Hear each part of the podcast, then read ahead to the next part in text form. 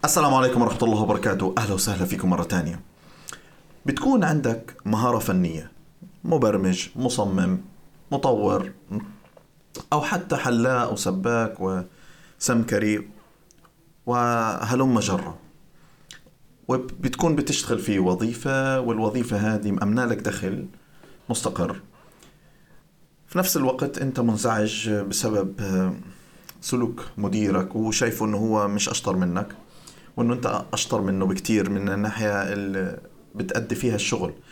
فبتقرر إنك أنت تسمع بودكاست وفيديوهات تحفيزية وعن ريادة الأعمال وإنك أنت تقفز.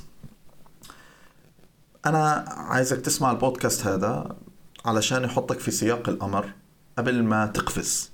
تمام؟ فهذا هو باختصار. لا تستقيل من وظيفتك أنا حسام الكرد وهذه خبرة عمل بودكاست جديد. يلا معنا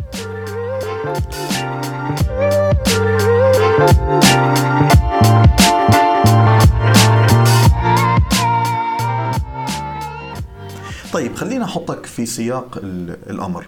الآن في دراسات برا انعملت ما بين 50% ل 90% من المشاريع الريادية بتفشل في أول خمس سنوات. يعني فرصة إنك تكمل بعد الخمس سنوات هي تقريبا فرصة تتراوح ما بين 10% ل 30% ومش هنا المشكلة مع أنه هذا الكلام في دراسات برا بتوقع في العالم العربي ممكن تكون هذه النسبة أكبر. وبرضه مش هنا المشكلة. المشكلة هو أنه حتى المشاريع اللي بعد الخمسين في المية أو التسعين في المية اللي بتكمل اللي بتكمل فاتحة الشغل بعد خمس سنوات فإنه دخلها متواضع جدا مرات كتير وبيكونوا اللي بيديروها مش مبسوطين كتير في أدائها. وهذا مش سبب إنه ما يخليكش تفتح أي مشروع لا ابدا. بالعكس شيء جميل إنك أنت تفكر تفتح أي مشروع. لكن اللي, اللي لازم تدركه وكتير كويس هو الفرق بين الناحية الفنية وبين الناحية الإدارية. في فرق شاسع. يعني أنت ممكن تكون أحسن مبرمج في الدنيا أحسن مبر... مصمم أحسن واحد بيعمل حلاقه وهكذا. لكن لما تيجي لاداره مشروع تجاري فإنه أنت بتواجه مشكلة مختلفة تماما عن الناحية الفنية. المشروع التجاري محتاج معلومات كتير. في إدارة الناس التواصل معهم آه، خلق فرص آه، آه، عمل زباين إدارة الحسابات التعامل مع الإطار آه، يعني الدولة في في بناء هذا الجسم. فإنك أنت تنط أو تقفز على على فكرة إنشاء مشروع أنا مش معها ابدا حتى لو أنت بتعاني حاليا من مديرك الحالي. اللي بقدر أقول لك إياه إنك إذا بتفكر تكون من أصحاب المشاريع لازم تعمل مؤشرات تصنعها بنفسك. يعني الآن أنت بتشتغل في مهنة معينة وفر وقت إنك أنت تخلي المهنة هذه اللي أنت بتعملها أحسن حاجة. تكون فيها آه، بتعمل الأشياء بشكل سريع أكتر وبتوفر وقت. ولما توفر وقت بتبدأ تعمل إشي جانبي يديك مؤشرات. المؤشرات هذه يعني زبائن يعني مبيعات. مجرد ما يصير عندك المؤشرات هذه هذه إشارة جيدة جدا إنك أنت ممكن تترك الشغل اللي أنت فيه.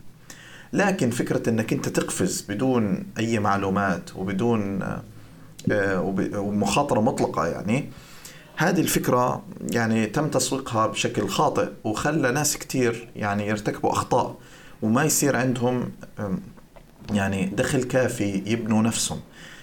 وصنعوا لنفسهم سجن خلينا نقول. أنا كنت من الناس التقنيين جدا الفنيين جدا. آه، وبعمل مهنتي بشكل كتير كويس. الأشياء اللي خلتني في موضع إداري هي أشياء خلينا أقول بالصدفة آه، البحتة. ومش عن رغبة مني أبدا. لما بديت أدير شركة فتعلمت شغلات فعلا الجانب الفني أبدا ما كان يغطيها.